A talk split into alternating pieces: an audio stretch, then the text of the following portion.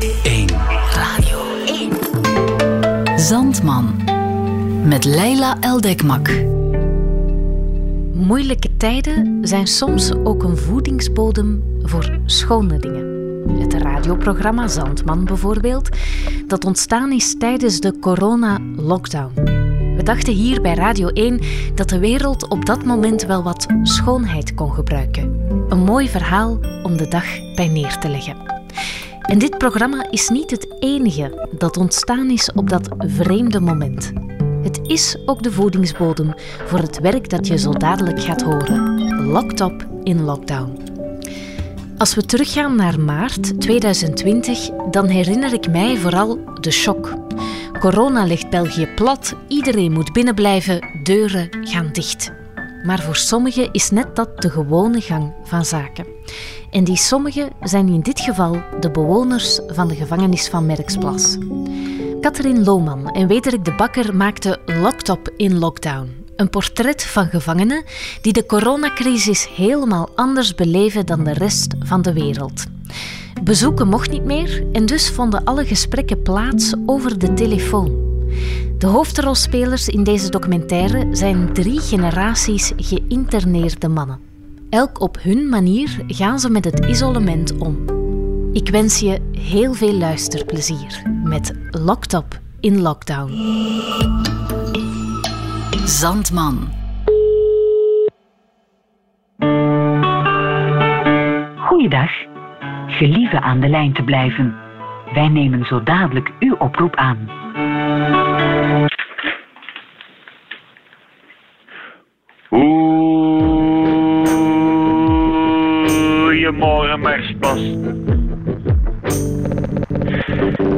Welkom bij Radio Mersplas, de eerste inbelradioshow ooit vanuit een Belgische gevangenis. Deze onzin kwam uit de mond van mouwnummer 1611. Wil je de man achter dit nummer leren kennen? Luister dan zeker verder. Voorjaar 2020. Drie mannen. Werner, Werner, Manuel. Manuel en Jani Ik ben de Jani. zitten in een grijze kantoorruimte. In de gevangenis van Merksplas. in een kantoor Met grijze muren. Ik zie er een klok die tiltslaagt. Een kast met kartonnen dozen. Ik zie er wat schilderijtjes hangen. eh, wat foto's in, in de kaderment. Ik zie er een kapstok. Een grijs bureau. Ik hoor een irritante stem. Dat zal de mijne waarschijnlijk zijn. Een raam. De raam mentaal is voor. Dat is het eigenlijk, denk ik. En een telefoontoestel. En ik bel en ik bel. via de telefoon. hè. Ze zijn opgesloten in de gevangenis van Merksplas. Ik ben geïnterneerd. Geïnterneerd. Internering is eh, een maatregel Een maatregel. Dat is geen straf, maar dat is een strafmaat. Geen straf. als je op het moment van uw feiten volgens hen niet in een goede psychische toestand verkeerde. In zo'n psychische toestand zelfs dat je niet verantwoordelijk kunt gesteld worden voor uw eigen daden. In theorie krijgen geïnterneerden een behandeling en worden ze geresocialiseerd. In de praktijk is er een tekort aan behandelingen en blijven geïnterneerden in de gevangenis. Normaal mogen wij niet in de gevangenis zitten, hè? dus ja, je zit opgesloten. Hè? De interneringsmaatregel is niet onbesproken. België werd al meermaals veroordeeld voor de manier waarop geïnterneerden opgevangen worden. Ze zijn opgesloten, zonder het definitieve einddatum. Gedetineerden, die mogen vertrekken. Maar geïnterneerden, dat is zo van, eh, laat ze maar zitten, ze zitten een beetje goed. Zij zijn deskundigen in isolement. En daarom belden we hen op. Elke week, terwijl corona het land platlegde. Want wie begrijpt een lockdown beter dan mensen die altijd in quarantaine zitten? 17 maart 2020. 7 uur 59. Jani, 25. Ja. Ze zijn al aan de lijn, of wat? Ah, hallo, ik ben Jani. Hij is al vier jaar geïnterneerd. Goedemorgen. Hij had een gokverslaving. Een man van 25, toch redelijk sportief ingesteld. ehm, schattige wangetjes. Ehm, een meter 69, maar we zullen er een meter 70 van maken. Uh, stevige kuiten. Ehm, zoekt contact voor sociaal gezelschap. Voilà. Hij kijkt naar het nieuws en merkt dat mensen zich zorgen maken over het coronavirus. Ik ben zelf een gevoelig mens en dan raakt dat u wel om het te hebben en het door te geven. En ook, ja, je weet niet, want eerst hebben wel symptomen, maar gisteren hebben ze uitgelegd dat je niet per se iets hoeft te voelen van het virus, maar dat toch wel aan kunt sterven blijkbaar. Dus dat, dat is toch wel bizar eigenlijk. En dat vind ik toch wel, wel wat eng, want ik sport zelf ook heel graag. Ik doe heel veel oefeningen, intensief ook op mijn kamer. Uh, dan stel je toch soms wel de vraag, ja, zou, zou ik het hebben of zou ik het niet hebben? Maar wat ik wel heel mooi vind, is dat heel veel mensen ja, gewoon, die normaal gezien niet overeen, nu wel overeenkomen. Stel, je komt niet overeen met je buren, maar toch gaat iedereen s'avonds met de buren allemaal een, een, applaus doen om de politie, de verpleegkundigen allemaal een hart onder de riem te steken. En dat doet mij toch wel goed. Dan neem ik toch wel tranen in mijn ogen als ik dat zie op nieuws. Dat die dan bijvoorbeeld zelf een applaus krijgen van mensen die crimineel zijn, maar op dat moment toch wel een, een boontje voor de politie hebben. Ja, dus het geeft ook wel ergens liefde. Voor de gevangenis betekenen de coronamaatregelen het opschorten van bezoek en externe hulpverlening. Geen therapeutische groepsactiviteiten, geen cultuur, geen sport. In plaats van 19 van de 24 uur op cel, 23 van de 24 uur op cel. Toch doet iedereen zijn best om het leefbaar te houden. Vorige week hebben we hier een bingo gehad. We hebben een bingo gehouden in de gang. Een bingo hier in de gang. En dan zaten we allemaal met onze stoel in onze celdeur. Dat was wel grappig. Al die kopjes in de gang zo. En eigenlijk, ja, ze zeiden het toen. Als we daar een foto van hadden gemaakt, dan had dat heel de wereld rondgegaan. dat, dat wel goed geweest. We gaan afronden nu. Tada!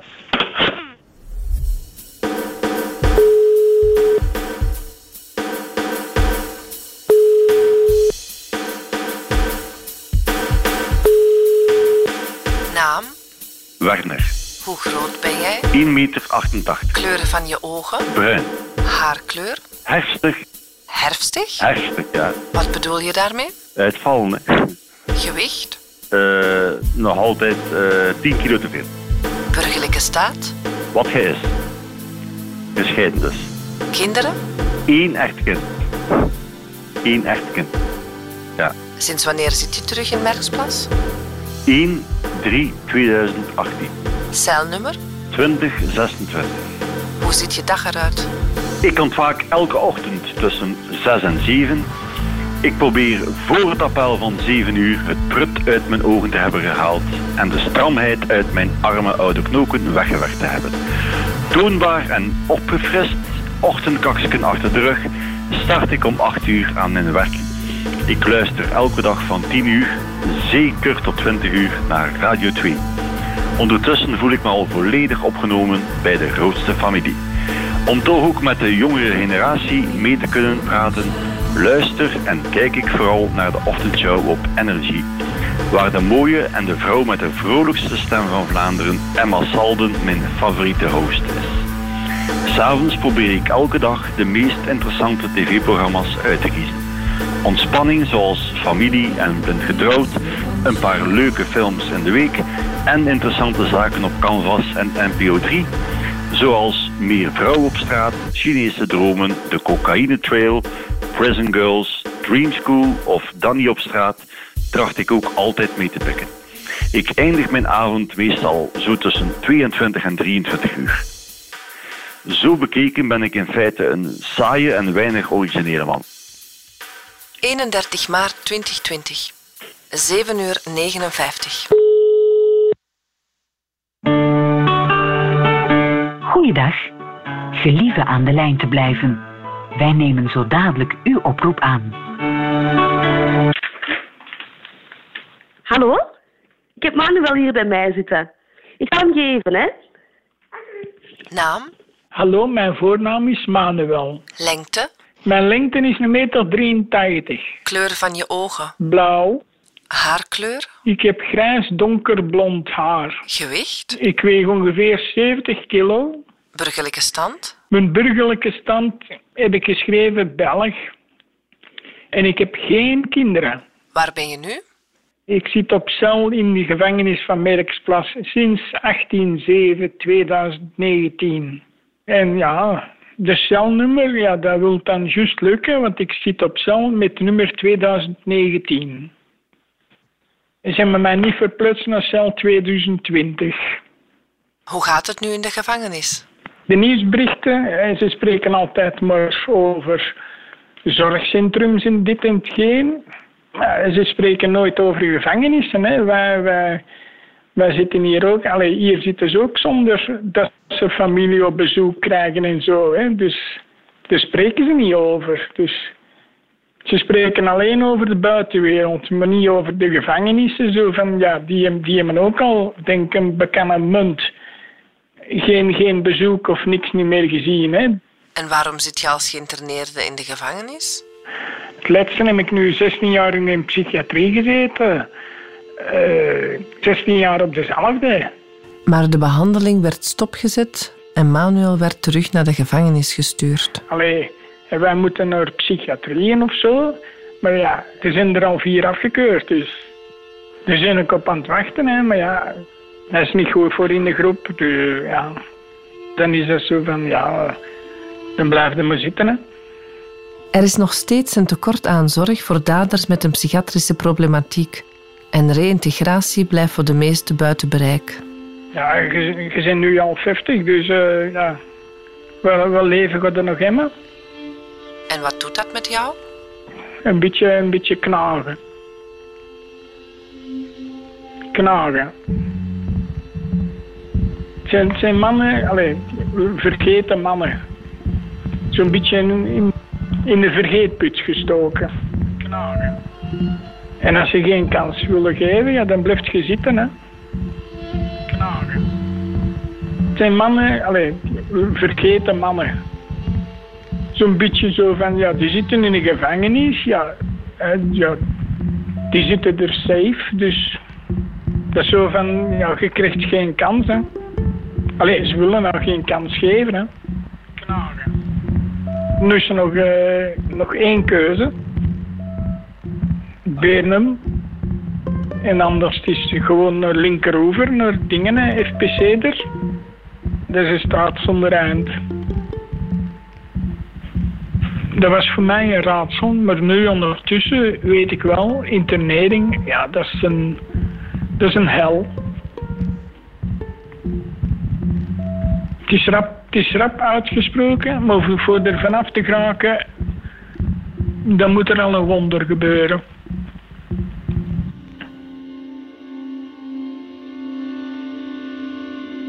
Manuel is 21 jaar geïnterneerd. 1999, dan ben ik gewoon bam, stil geworden. Ik ben in uh, 97 ben ik getrouwd geweest. We zijn veel te rap getrouwd in een tijd. Wij kenden elkaar zes maanden. In het gezicht poeslief en alles is in orde. En dan hoort je in 99 van, ja, maar je vrouw die gaat vreemd met een andere en dit en hetgeen. Ja. Toen kwam er bij mij uh, veel minder woorden uit. Toen word ik meer uh, ja, stil. Toen ben ik volledig bekend in, in ja, volledige eenzaam gevallen. Hè. Ik ben. Uh, ik ben kwetsbaar. Ja. Ik voel me eigen niet thuis. Op de wereld.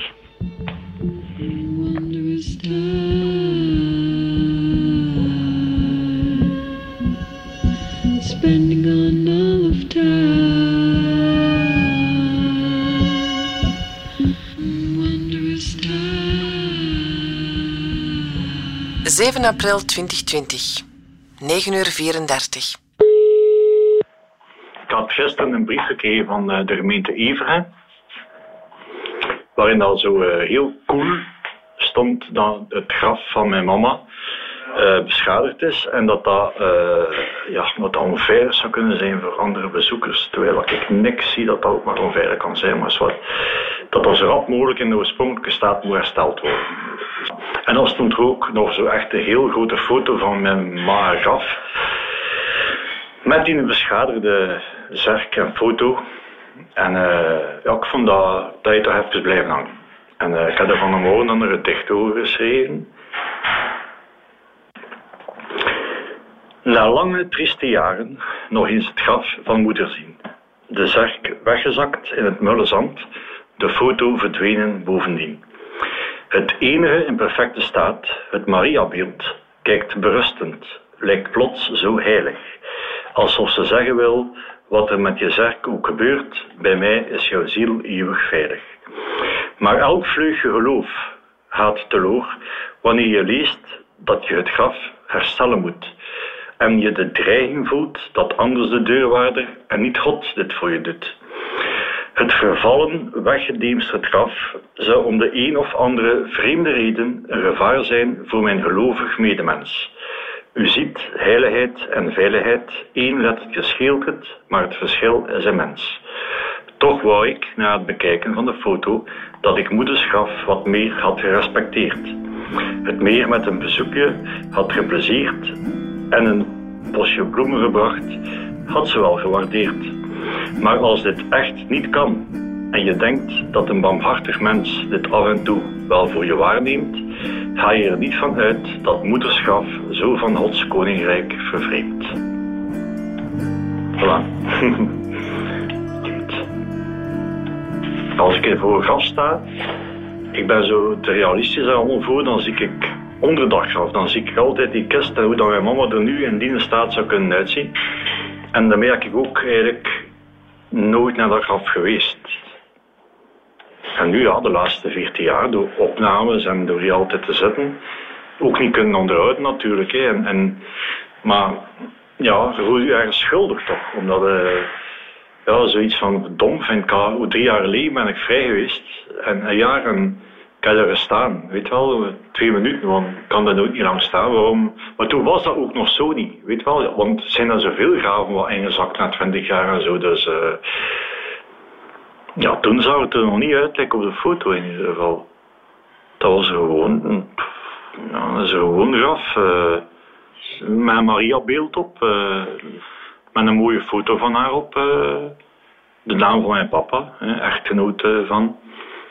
Uh, zwarte steen.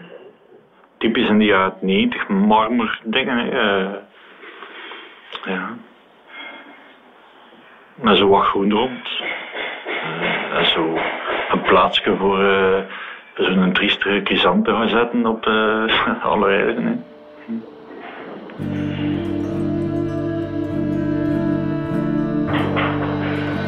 Mijn ma.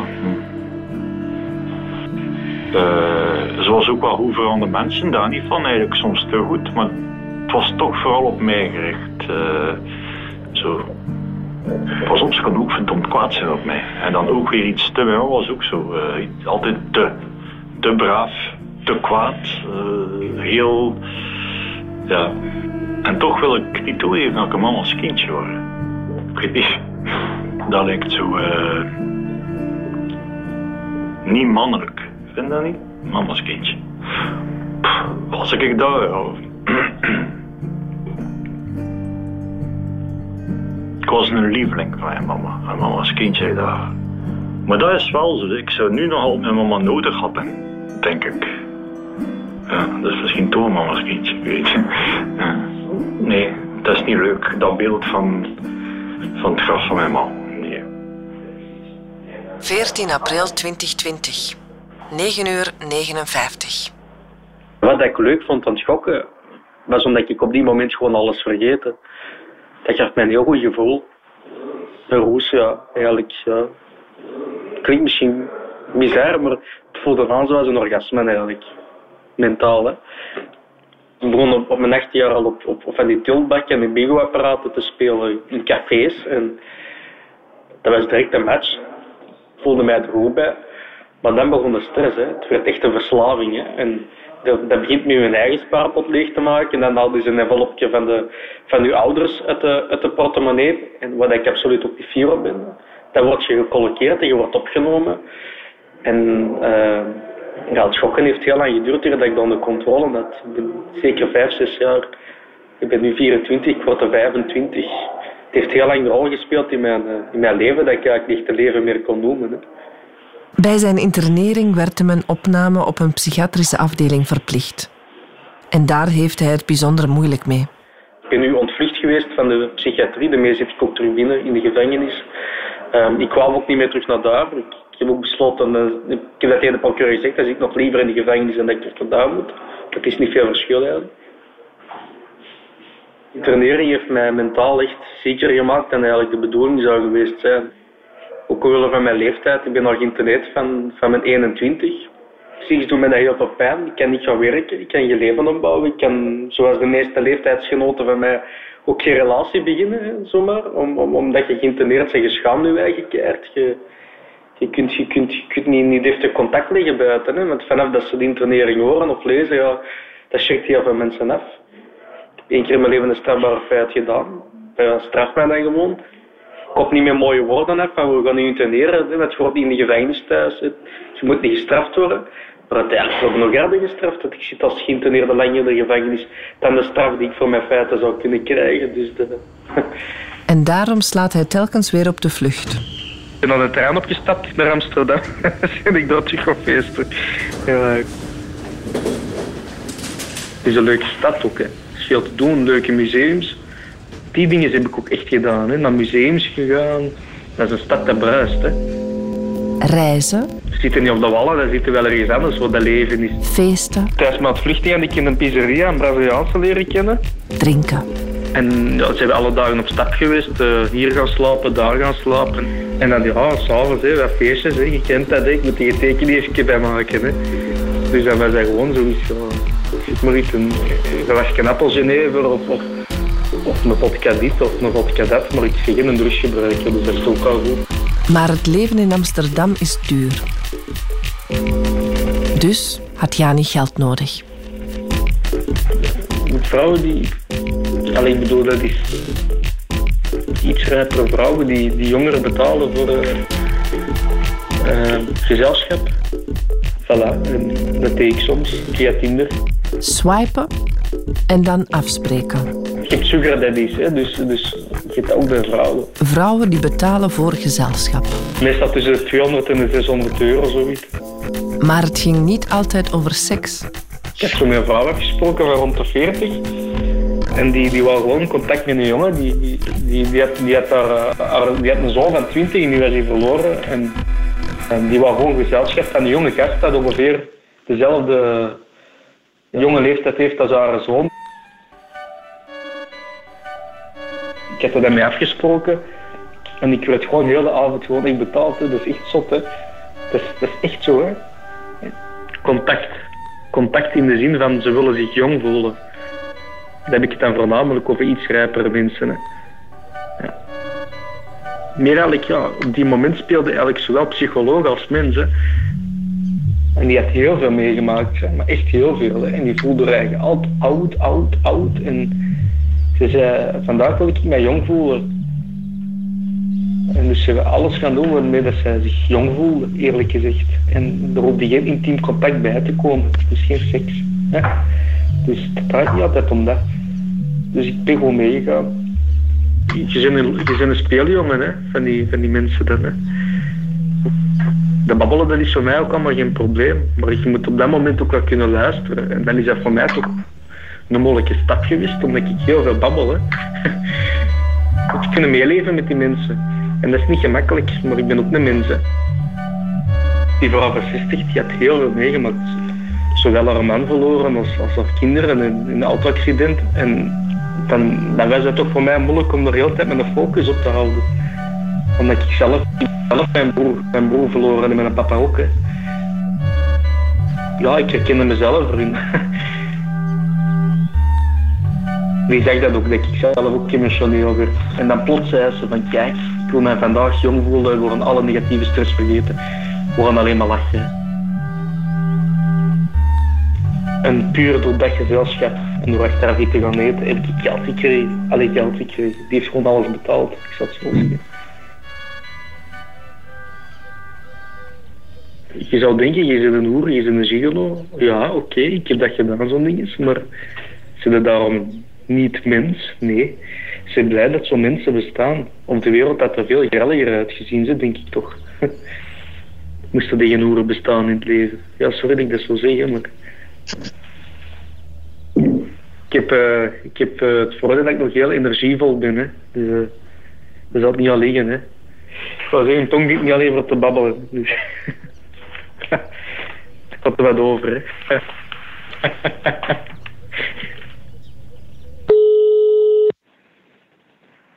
Jani zit nog liever in een gevangenis dan in een psychiatrie. Ik weiger... Uh... Net zoals Werner. Ik weiger de gevangenis slechter te maken dan dat ze is. Maar ik weiger ook van te zeggen dat die beter is dan buiten. En dat doe ik ook niet. Maar ik ga de gevangenis, als het kan, in een positief daglicht stellen. Als ik gevoel heb dat ik menselijk behandeld word, dan, ja, is heel mijn dag goed. Kijk, Jani, die jongen die hier uh, ook meedoet bij jullie in Bel-programma, is ook gaan lopen net Rikken. Uh, en en ik ben al gaan lopen twee keer uit zo'n medium security, Jani. Ik kan er hier twintig noemen die nu in Merspas zitten, die ook weggelopen zijn. En voor velen begint dan de carousel. Uh, van de gevangenis naar gevangenis en van medium security naar medium security eigenlijk. Waarom zitten mensen liever in een gevangenis dan in een psychiatrie? Omdat daar niet te doen is, gewoon. En wat is dan het verschil? Het grootste verschil is dat ik hier, uh, dat ik hier echt wel op een veel menselijker manier behandeld word dan in psychiatrie. En ook veel minder dan, ja, dan in eigenlijk. Zo. Uh, dat is de verkeerde wereld. Zijn er de times that I am? Er de times that I stand? Can't go back to yesterday. I was a different person then. Prophecy echo from Wonderland. Prophecy made by a hinterland. The only true borders are made out of skin, made out of fleas is limby. 21 april 2020, 8 uur 59. Moest ik een teletijdsmachine nemen, ik ging terug. Zo eind jaren 70. In 79 was ik uh, tien, dus dat je nog uh, winter zat en zo, dat je op de slee zat en al in de straten. Waar ik nog veel aan denk, dat is het Kremglaskerken, hè.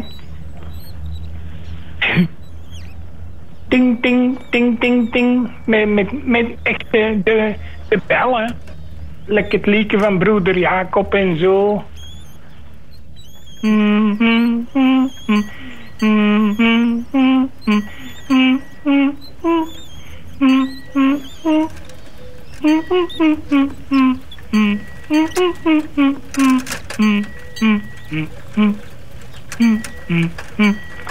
Zo ging dat. Toen zeiden ze nog tegen elkaar goedemorgen of goedemiddag of ze knikten naar elkaar. Tegenwoordig is dat gewoon, ja, lopen ze u gewoon voorbij dat ze je gewoon benzine, ja, ja, hoe moet het zeggen, afstoten. Zo precies een, een home freak. Home freak? Ja, omdat je van, van het een home naar het ander gaat. Mijn moeder die was altijd weg met een boot via het kanaal voor uh, steenkool.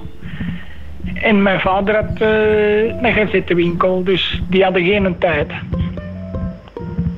dat was zo precies zo van, allee, kom, we gaan nu eens een ander home proberen. Ik denk dat ik er toch in totaal uh, een stuk tussen, tussen de 12 en de 14 heb gezien, dus... Hetgeen dat je het meeste mist in homes, dat is zo echt uh, de thuissfeer, de genegenheid dat je kunt krijgen van moeder en vader. Uh, dat kunnen ze in homes niet, niet, niet geven. Hè.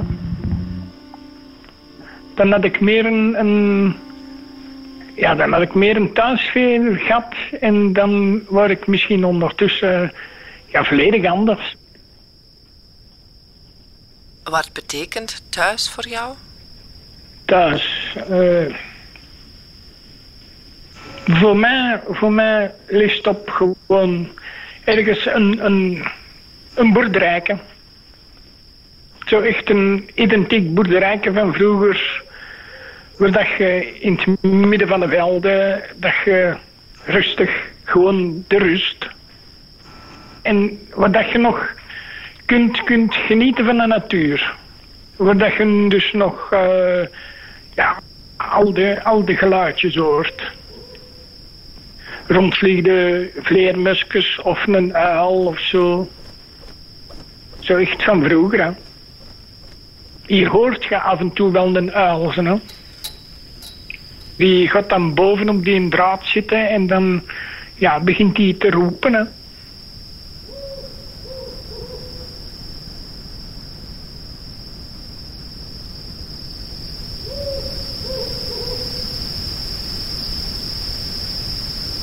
...28 april 2020. 7 uur 29. Ik heb het eigenlijk, ja. ehm, ik heb er eigenlijk zelf voor gezorgd dat ik, dat ik was. Samen met mijn toenmalige Prodeo-advocaat, die me daar een beetje aangeraden had, zelfs. Eh, vandaar. In die periode was Werner dakloos. Hij lichtte mensen op, Zo, ja, dronk heel erg veel, maakte schulden. ja. Uiteindelijk gaf hij zichzelf aan. Ik ken de internering totaal niet. Dat was volledig onduidelijk voor mij. Maar ik was ook. eh, ik geef toe, ik, wa- ik, wa- ik, ik was enorm bang voor naar de gevangenis te moeten. Hij zat samen met zijn Prodeo-advocaat. Wat zouden ze doen?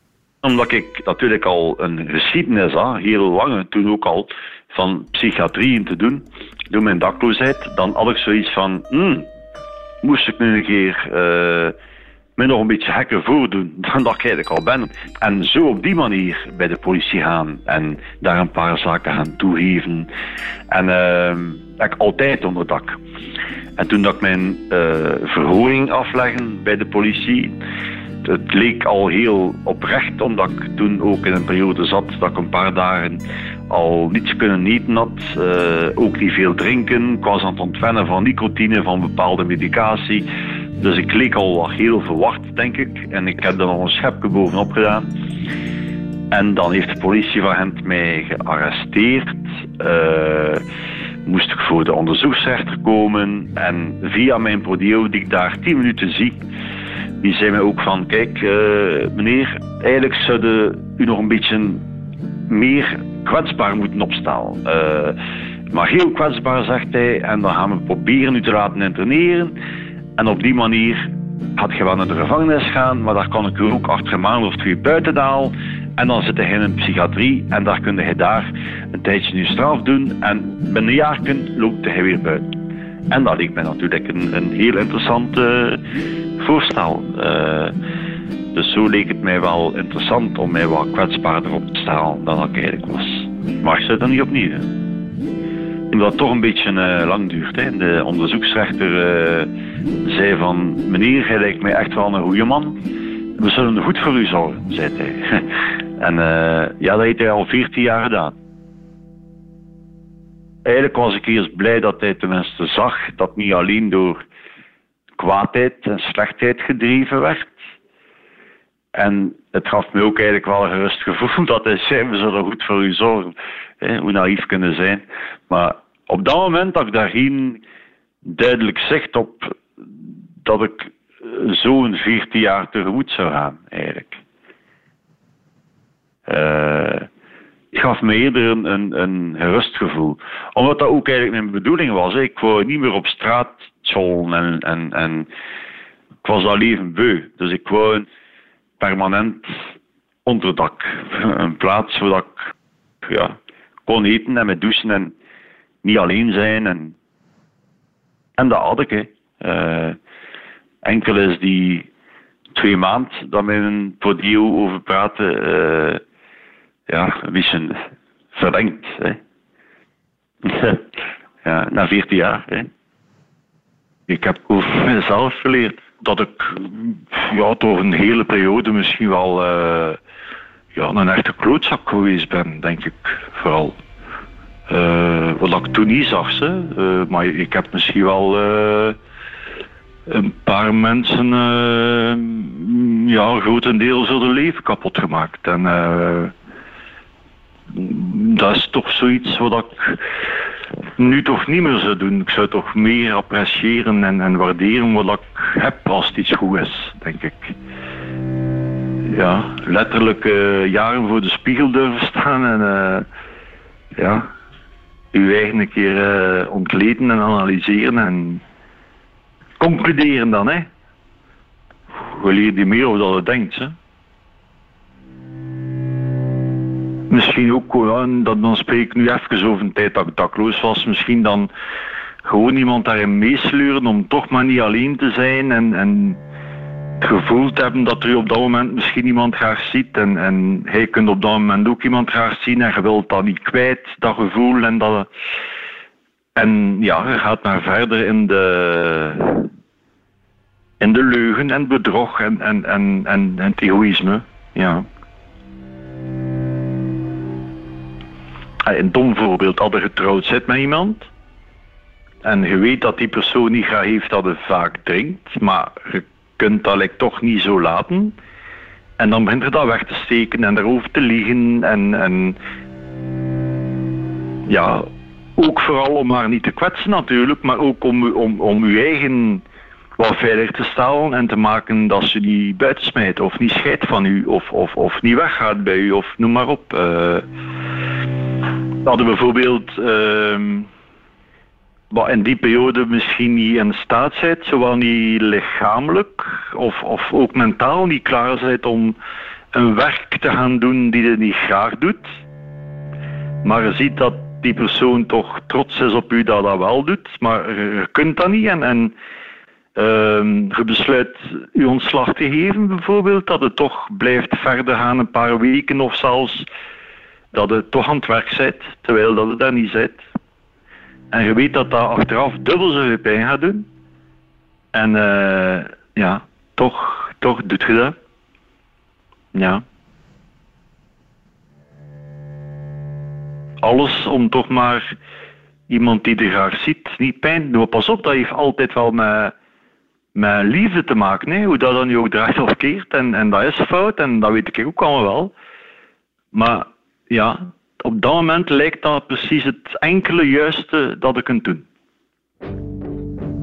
Eigenlijk is dat mooi, iemand die pijn willen doen, iemand niet willen kwetsen. En dat beeld, dat beeld dat zij dan heeft van u. En dat, dat ze dat zo graag heeft, dat beeld. En dat, gewoon dat beeld niet willen vernietigen, eigenlijk. Iemand toch dat ze trots kon op zijn. Een echte man die zijn handen met de mouwen durven steken. Uh, als ze een toekomstige papa misschien en zag van haar kinderen, wie weet. Al een paar jaar niemand niet meer hebt, waar je niet moet voor bewijzen of waar je niets moet voor wegsteken. Ja, dat zijn allemaal gewoontes, hè. Ja, ik had ook niet wat niet meer waar ik moest tegen liegen, hè. Een mens is niet zo zwart-wit. Een mens uh, zit moeilijker in elkaar dan op het eerste zicht soms lijkt. En dan was het stil.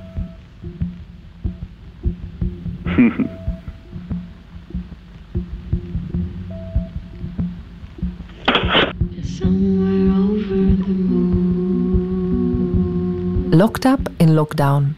Een verhaal van en met Jani, Werner en Manuel. Zo, ik wil u van harte bedanken om te luisteren naar deze Inbel radioshow. Een radiodocumentaire van Wederik de Bakker en Katrien Lohman. Muziek Lisa van der A. En hopelijk hoor ik u volgend jaar terug. Met dank aan het zorgteam van de gevangenis van Merksplas. Niet morgen dus, volgend jaar. Met steun van Apache, Heller en Fonds Pascal de Kroos voor bijzondere journalistiek. Dag. Spending on and all of time.